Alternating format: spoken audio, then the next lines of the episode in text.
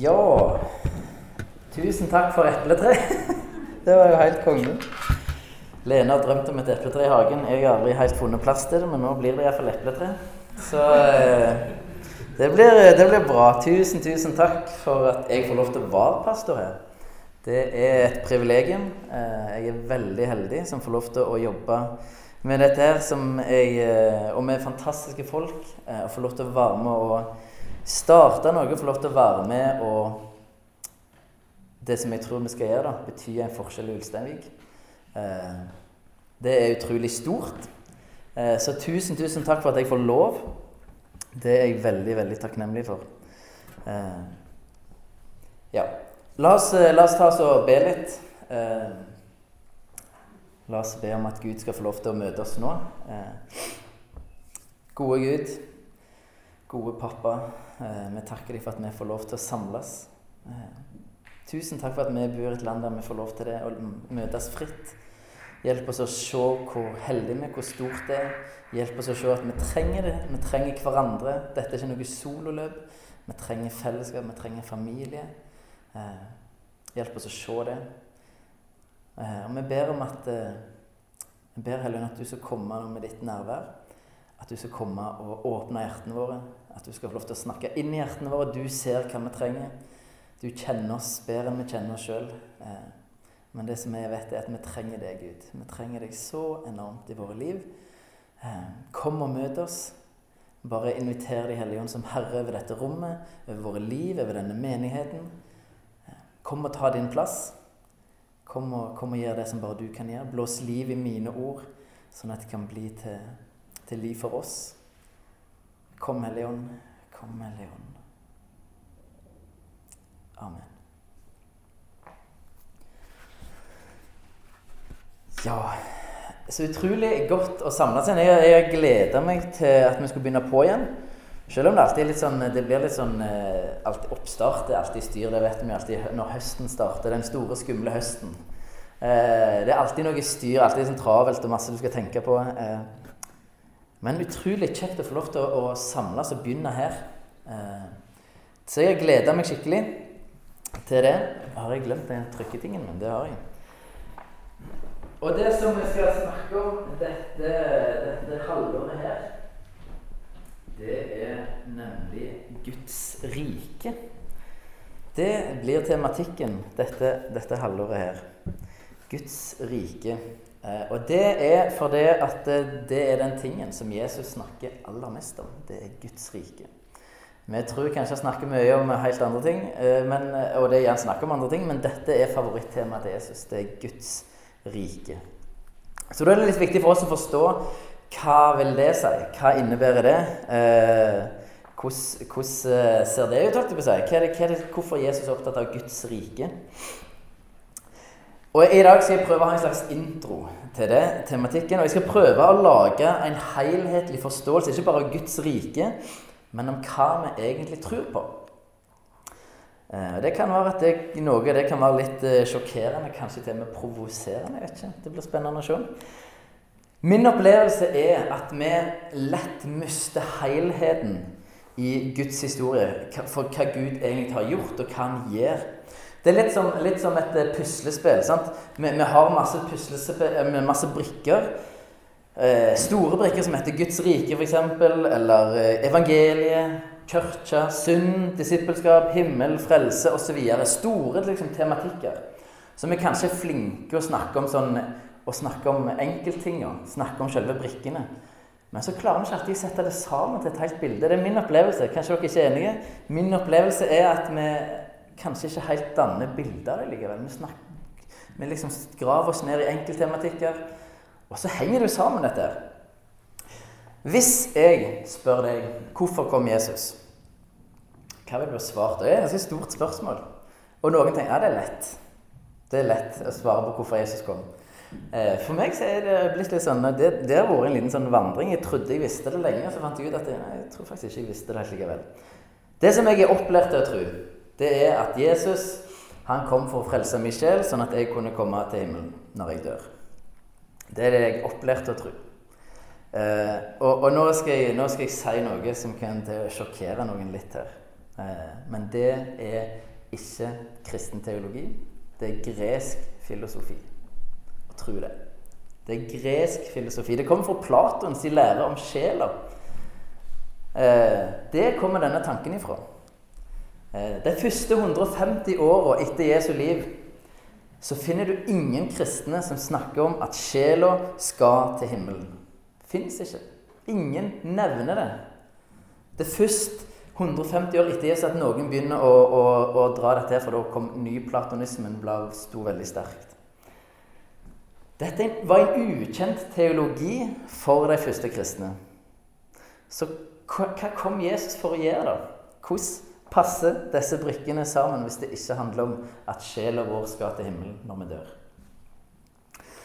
Og For å, for å, finne ut av dette, for å forstå dette, så må vi tilbake til begynnelsen. Jeg er fullt klar at jeg har vist dette her før, og jeg kan garantere dere at det blir ikke siste gangen jeg viser det. For dette her er superviktig, og dette er ikke noe som vi forstår med en gang, tror jeg. Men vi må se på begynnelsen. Begynnelsen når Gud skaper verden. Han skaper mennesker.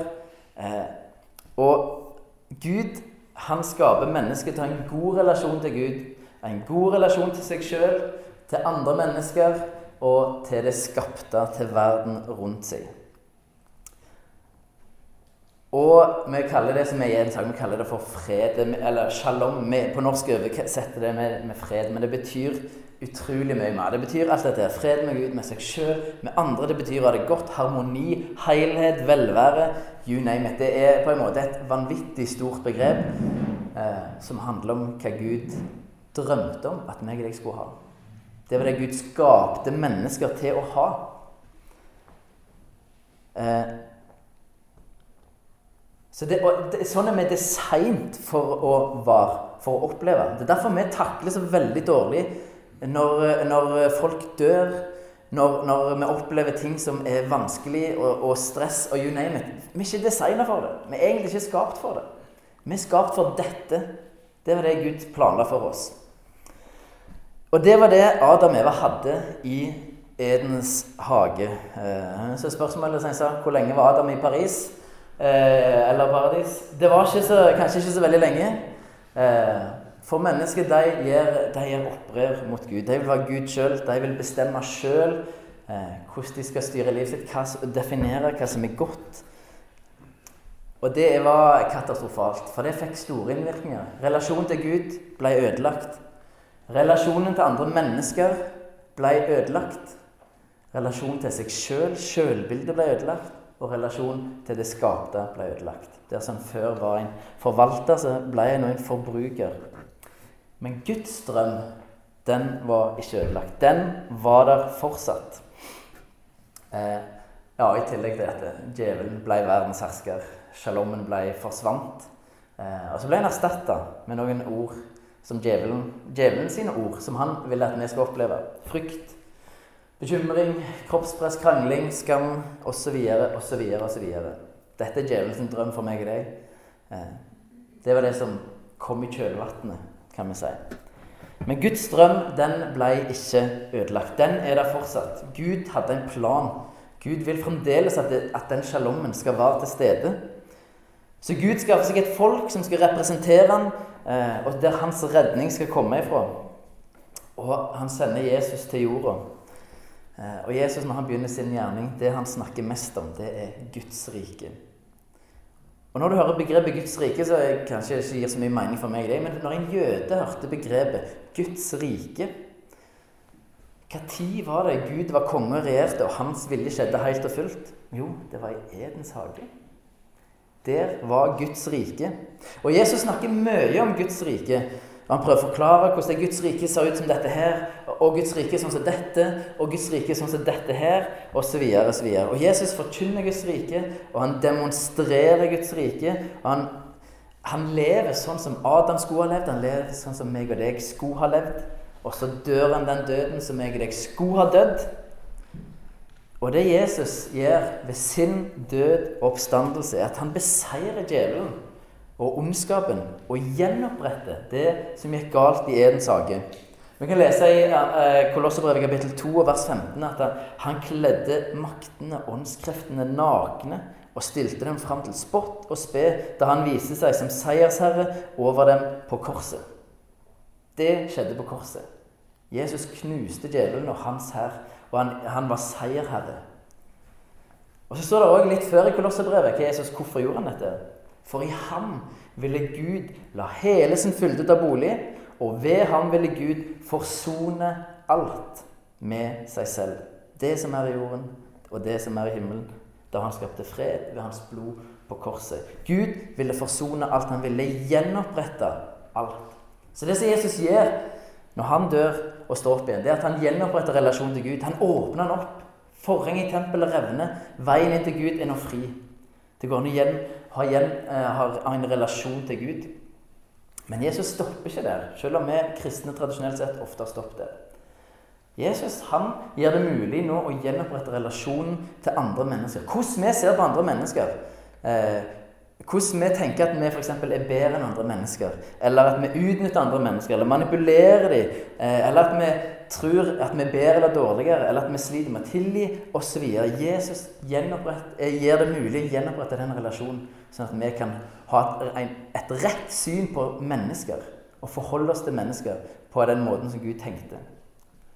Så gjenopprette en relasjon til seg sjøl, sånn at vårt sjølbilde kan Eh, være sånn som det skulle være. At vi kan elske oss sjøl sånn som Gud elsker oss, faktisk. At vi kan se på oss sjøl og elske oss. At Gud kan få lov til å ta skammen vekk. For det var skammen som kom inn i, etter syndefallet. Så ble det fylt av skam. Eh, men det kan vi ta, få vekk. Den kan bli fjerna ved hjelp av Jesus. Og relasjonen til det skapte, til ressurser, til, til, til det som er rundt oss. Gud ville at vi skulle ta de tingene som var rundt oss, skape noe, bruke det og velsigne andre mennesker med det. Eh, og gjøre noe ut av skaperverket, ikke bare for å bruke det som maktmiddel eller for å please oss sjøl eller hva det nå er. Jesus ønsker at vi skal ha en gjenoppretta relasjon til det skapte. Og han ønsker å gjenopprette den sjalommen som, som han skapte oss til å ha. Dette er på en måte det store bildet av hvorfor Jesus kom. Han kom for å gjenopprette alt som gikk galt i én sak, og gjenopprette et nytt rike, Guds rike. Og hvis vi har dette som utgangspunkt Hvis vi ser på brikka frelse Hva er frelse for noe? Hvordan passer den inn i puslespillet? Hva vil det si å bli frelst? Er det å få tilgitt syndene sine? Er det å få tatt imot Jesus? Er det det som er frelst? Hva gjør vi i så fall med sånn bibelvers som dette her i Filipperbrevet kapittel 2 vers 12? Mine kjære, det har jo alltid vært lydig mens jeg var hos dere. Så vær det enda mer nå når jeg er borte, og arbeid på deres egen frelse med respekt og ærefrykt. Skal vi jobbe for å bli tilgitt? Det er ikke nåde, er det det? Skal vi jobbe for å beholde Jesus? Er det det Paulus sier? Når vi dette er viktig å være klar. Når vi leser ordet 'frelse', så forekommer det i fortid, nåtid og framtid. Vi bruker det stort sett som fortid at 'jeg blei frelst'. Eh, så det, så det, er i fortid, blei frelst. Det er i nåtid, holder på å bli frelst. Og det er i framtid, vi skal bli frelst. Og der vi bruker det mest i fortid, så bruker Bibelen det mest i nåtid og framtid. Desidert mest nåtid og framtid. At vi holder på å bli frelst, og Gud skal frelse oss en gang der framme. Og da funker det ikke med vår tradisjonelle forståelse av frelse eh, hvis det er at vi får tilgitt syndene eller får tatt imot Jesus. Frelse er faktisk noe mer enn det. Frelse handler om å bli heil. Å bli gjenoppretta, om å bli det mennesket som Gud skapte deg til å være i utgangspunktet. Vi tenker ofte at frelse det handler om å få gjenoppretta relasjon til Gud. Eh, og det er helt rett. Det kaller vi å bli født på ny. Det, og det er, en, det er, frelse. Vi kan godt kalle det det. Men det er bare starten på frelsen. For Jesus ønsker å gjenopprette alle områder i livet ditt. Ikke bare relasjon til Gud. Relasjon til deg sjøl, til andre, til skaperverket. Så Jesus holder på å frelse deg. As we speak, så holder han på å frelse deg. Det er ting i livet ditt som han holder på å jobbe med for å gjøre deg heil For å gjøre deg til det mennesket som han skapte deg til å være utgangspunktet. Frelse handler om å bli heil, om å bli gjenoppretta. Og vi bestemmer litt sånn hvor fort den prosessen skal gå, ut fra hvor mye plass vi gir Jesus til å få lov til å frelse oss. Hvor mye rom vi gir ham. Det er litt opp til oss sjøl. Jesus frelser så mye han klarer, men, men vi er de som må, må la ham få lov til å frelse oss. Kanskje dette er litt eh, Nå vet jeg ikke om dette er lett forståelig, det, eller kanskje dette er helt Dette har jeg ikke tenkt på før. Kanskje det er det. Men vi trenger å forstå dette i lys av det store bildet som Bibelen tegner til oss. Og frelse trenger vi å se i dette lyset her. Vi holder på å bli frelst. Frelse handler om å bli heil. Ikke bare bli født på ny. Det er starten på å bli det mennesket som Gud skapte oss til å være. Hva med, med brikka synd, da? Eh, vi tenker at synd det handler om rett og galt. Men ordet synd, det betyr eh, å bomme på målet. Men hva er målet? Og Da tenker mange at målet er å gjøre det som er rett, og unngå det som er galt. Men det blir faktisk en feil vinkling. Målet er det som Gud drømte om. Målet er at du skal være det mennesket som Gud skapte deg til å være. Og alt vi gjør som ikke er i samsvar med det, som ikke var skapt til å gjøre, det er synd. Synd er faktisk å feile i å være helt og sant menneske. Og konsekvensen av synd er at vi umenneskeliggjør andre mennesker. Oss sjøl og oss andre. Vi gjør dem til mindre mennesker enn det Gud har skapt dem. Når jeg lyver til noen, så gjør jeg den personen jeg lyver til, til et mindre Jeg umenneskeliggjør den personen. For vi er skapt til å leve i sannhet. Det er en del av det å være menneske. Det er å leve i sannhet. Når jeg lyver, så umenneskeliggjør jeg den personen og umenneskeliggjør meg sjøl. For jeg er ikke skapt til det, og den personen jeg lyver til, er ikke skapt til det. Jeg degraderer Guds skaperverk. Det er synd. Det er synd.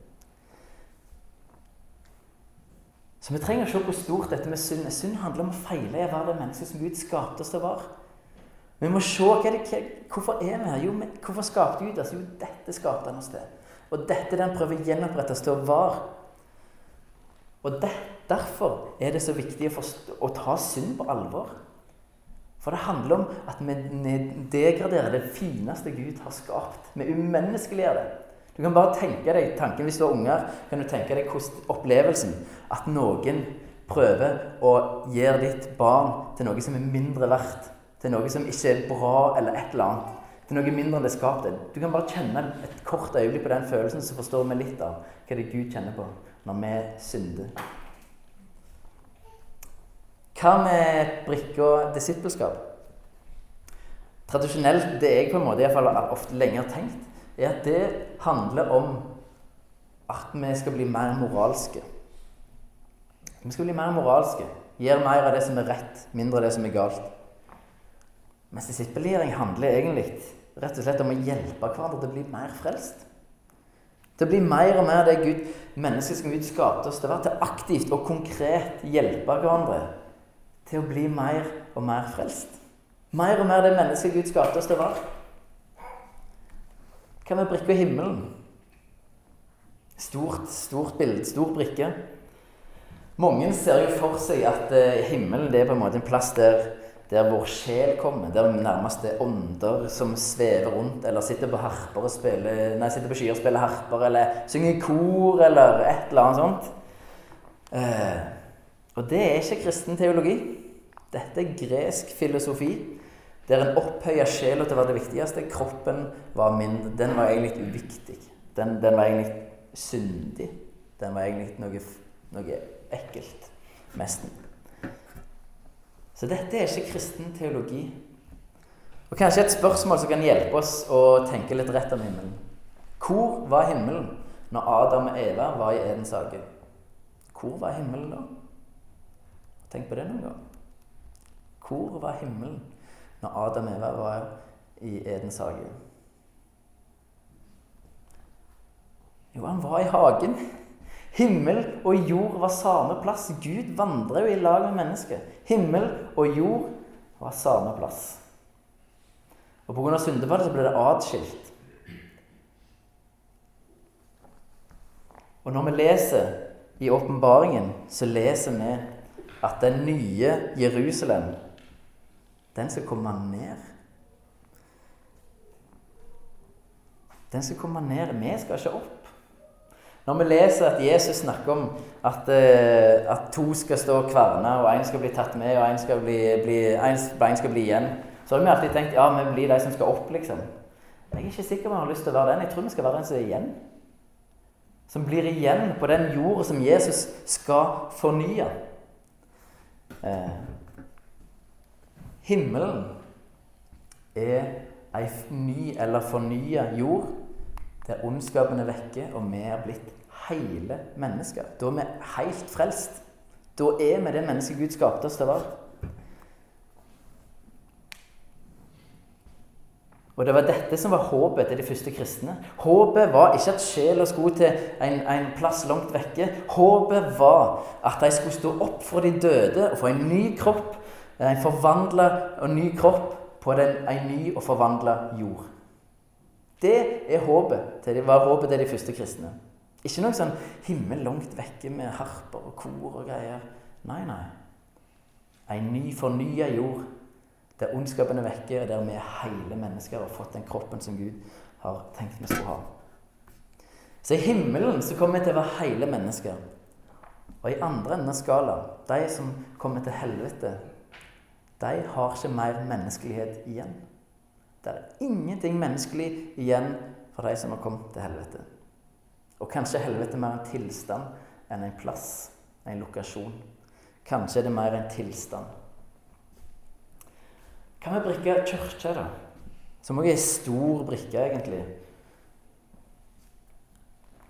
Hva er kirke for noe? Kirke er ikke en bygning, og det er ikke noe du går til eller går i. Men kirka er en del handler om å være en, det er en familie du er en del av, som sammen fortsetter det som Jesus begynte og sammen med Den hellige ånd er med på å gjenopprette samfunnet og hjelpe mennesker til å bli hele mennesker ved å lede dem til Jesus og la han få lov til å begynne å frelse dem. Det er kirka. Det er kirka. Og så samles vi fordi vi trenger å minne hverandre på det. Vi samles for å tilbe Jesus. Vi samles fordi vi trenger å være i lag som kristne. Fordi vi trenger hverandre. For vi er ikke meint det. Er en familie. Da må du møtes. Da må det møtes. Men dette er kirka. Vi, vi, fortsetter den prosessen som Jesus starta ved hjelp av Den hellige ånd. Det, det er kirka. Og da hjelper vi hverandre til å bli mer frelst, og vi skal hjelpe Ulsteinvik til å bli frelst. Og da ikke bare folk, men samfunn, kultur, næringsliv, you name it. Alt skal bli frelst. Alt skal bli frelst. Dette her er da dette er det bildet som Bibelen tegner opp for oss. Dette er den linsa som vi trenger å se verden gjennom. Og dette her er super, super viktig. Når du skal forholde deg til ting som politikk, jobb, samliv, kjønn, fritid, penger, identitet, så trenger vi å se det gjennom denne linsa her. Vi trenger å sette det inn i denne sammenhengen. her. Dette rammeverket må det få plass inn i. Eh, og dette er veldig viktig. Dette er vårt referansepunkt, ikke kulturen. Når vi skal forholde oss til store ting som, som, som er, skjer rundt oss, så er det dette som er rammeverket, som vi skal sette det inn i. Og, og det, det, er ikke kulturen som skal være vår, vårt referansepunkt. Det er dette bildet, det bildet som Bibelen tegner opp til oss. Det er vårt referansepunkt. Og Hvis vi ikke er bevisst på det, så blir kulturen vårt referansepunkt. Og da bommer vi. Da, da, da, får vi ikke det som Gud kan gi oss. Hvis, hvis, vi gjør det. Vi trenger å se det gjennom denne linsa her. Trenger å se Guds rike, hva Gud holder på med. hva Gud, For Gud holder på å skape sitt rike her på jorda. Og En gang i himmelen så blir det helt fullendt. Men han har begynt prosessen nå, og vi er, vi er her for å være med på Gud, det som Gud gjør. Ser du Guds hensikt med ditt liv? Ser du hva han holder på med i ditt liv? Han ønsker å gjenopprette deg og gjøre deg heil. Til å bli det mennesket som han skapte deg til å være. Til å vise deg hva gaver og evner han har gitt deg for at du skal være med på den prosessen med å forvandle samfunnet til Guds rike. Han skal bruke deg til å gjenopprette og velsigne samfunnet. Og når jeg sier 'bli det mennesket som Gud skapte deg til å være', det kan, det kan kanskje høres litt negativt ut. Men det må ikke forstås som at Gud er irritert eller sint over at eh, vi ikke er det mennesket han skapte oss til å være. Det handler om at dette er hans lengsel. Det er hans lengsel etter at vi skal bli det mennesket som, som vi var skapt å være. For da vil vi få det beste livet, det som han skapte oss til å ha. Det beste livet ligger der. Så det må, ikke, det må ikke forstås som noe negativt når jeg sier det. Å bli det mennesket som Gud skapte oss til å være. Men det er noe enormt positivt. En lengsel til Gud etter å få lov til å, å hjelpe oss og forvandle våre liv. Så jeg håper du ser din hensikt med ditt liv. Og så er det mer konkret enn bare det. Det er jeg fullt klar over. Det er noe spesielt for deg. Gud har, Gud har utrusta deg til en konkret ting. Eh, om det var lærer, eller om det var sykepleier.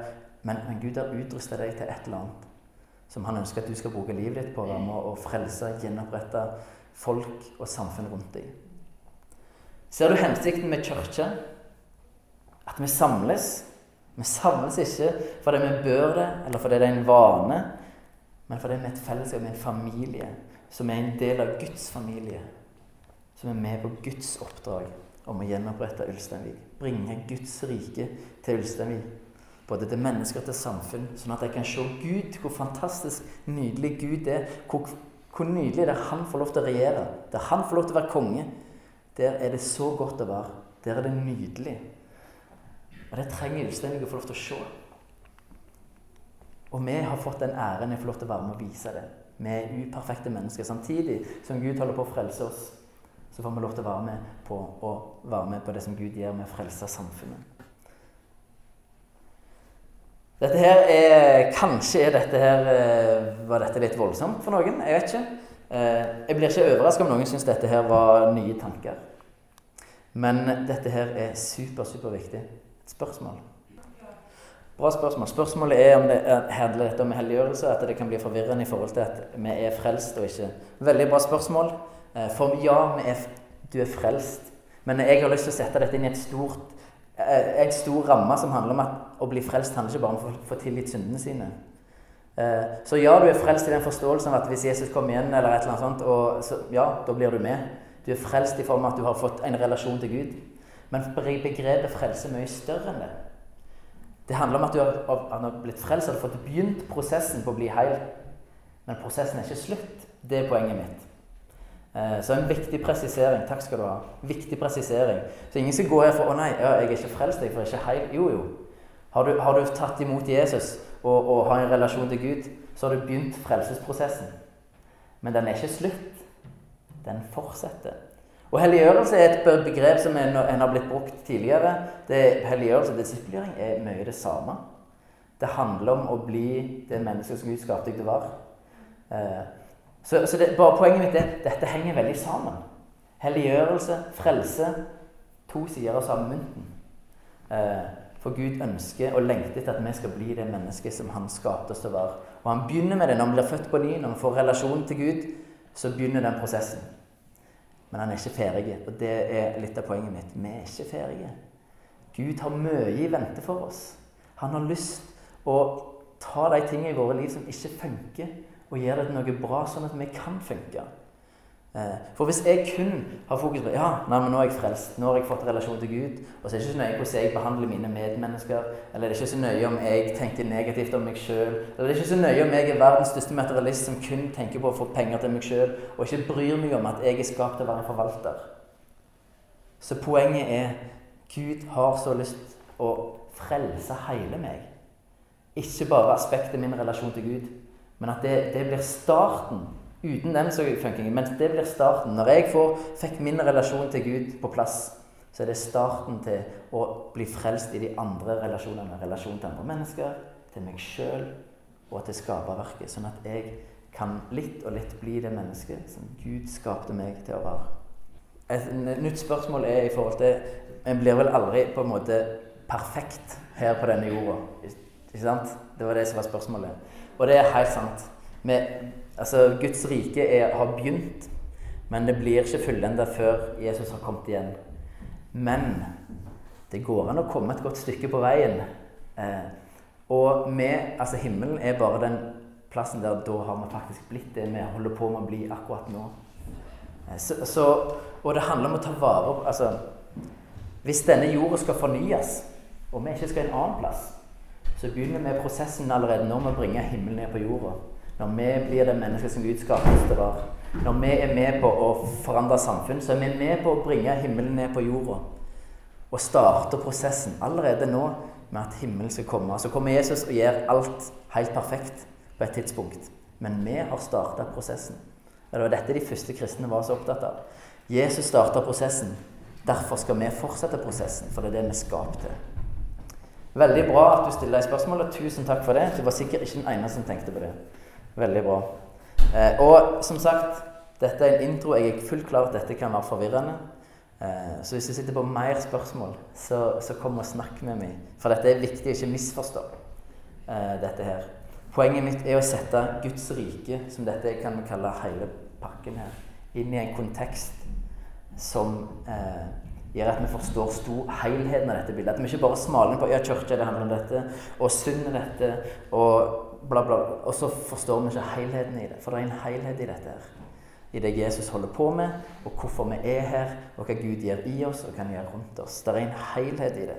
Og vi trenger å sette disse brikkene sammen. Eh, og tradisjonelt sett har vi skilt veldig mye på hva er de forskjellige tingene. Og så har vi fått litt skylapper, og så ser vi ikke hele bildet.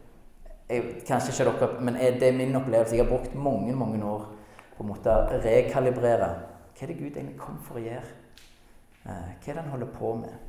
For jeg trenger, når jeg forstår det, så forstår jeg min rolle. Hva Gud har skapt meg til. Jeg er ikke skapt for å sitte og vente på at Jesus skal komme igjen. Nei, nei, nei. Jeg er på ingen måte skapt av det. Det er ikke sånn at kun min relasjon til Gud skal frelses. Nei, nei, nei. Hele meg. Det handler om hele meg. Gud er opptatt av hele oss. Ikke bare relasjonen til hvordan vi relaterer til Gud. Nei, nei, ikke bare den. Han er opptatt av hele mennesket. Ånd og sjel og kropp. Alt vi er, og alt vi har, bryr Gud seg enormt mye om. Derfor sier jeg det er ikke bare sjela vi skal til himmelen. Nei, nei. Vi skal få en ny kropp.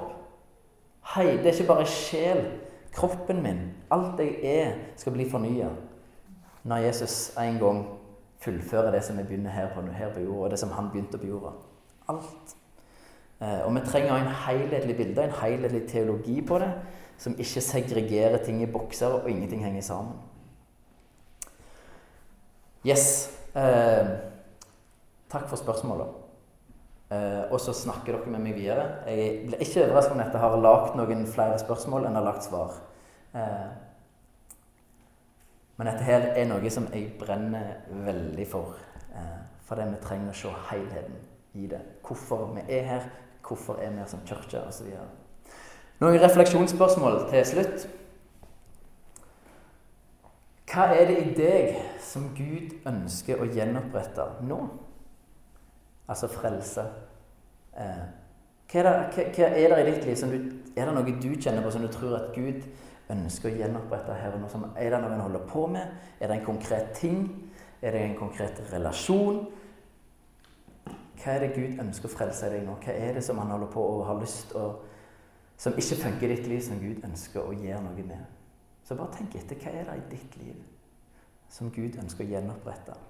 Som ikke han har fått lov til å slippe til? En plass han ikke har fått lov til å slippe til ennå? Et eller annet. Hva, holder, hva er det Gud gjør i ditt liv? Hva gaver og evner har Gud gitt deg for å være med og velsigne og gjenopprette mennesker og samfunn? Hva har du blitt gitt? Hva har du blitt gitt? For du har blitt gitt noe. Gud har skapt deg med konkrete gaver og konkrete evner. Hva har du blitt gitt som skal være med på å være til velsignelse og gjenopprettelse for mennesker og samfunn? Tenk over det. Det er så viktig. Hva har du blitt gitt? Du har blitt gitt noe. Finn ut av det. Finn ut av det. Så du kan også begynne å finne ut hvilken plass har Gud satt deg på. Hva er det? Hvordan har han lyst til å bruke deg? Og til slutt hvordan kan vi som familie, eller kirke, eh, samme, samme tingen Hvordan kan vi være med på å bringe Guds rike til Ulsteinvik? Hvordan kan vi, Og det er et stort spørsmål. Men jeg vil at vi skal begynne å tenke på det. Hvordan kan det se ut i praksis? Helt konkret. Og ikke bare Én eh, ting er hva, hva, du kan gjøre på den plassen du er satt i, hverdag og familie. Men hva kan vi gjøre som familie, i lag? Hva kan vi gjøre eh, for å bringe Guds rike til Ulsteinvik? Og da handler det kanskje først om å finne ut områder som, eh, der Guds rike virkelig trengs å komme inn. Eh, men hvordan, kan vi gjøre det? På hva måter? Er det noen plasser vi opplever at Gud allerede holder på? Så vi bare kan joine Gud? Det er jo det aller beste. Hvordan kan vi være med og bringe Guds rike til Ulsteinvik? For det, det er kirken. Det er derfor vi er her. Eh, hvordan kan det skje? Hvordan kan det se ut? Tenk på det. Har du ideer, så blir jeg, jeg så glad for å få det. Eh, hvis det er noe du kjenner at ja, du har en, noe Gud har lagt ned i deg som du brenner for, kanskje noe vi skal være med på som kirke, eh, som familie. Så hvis du har noe, så, så kom gjerne og snakk med meg om det.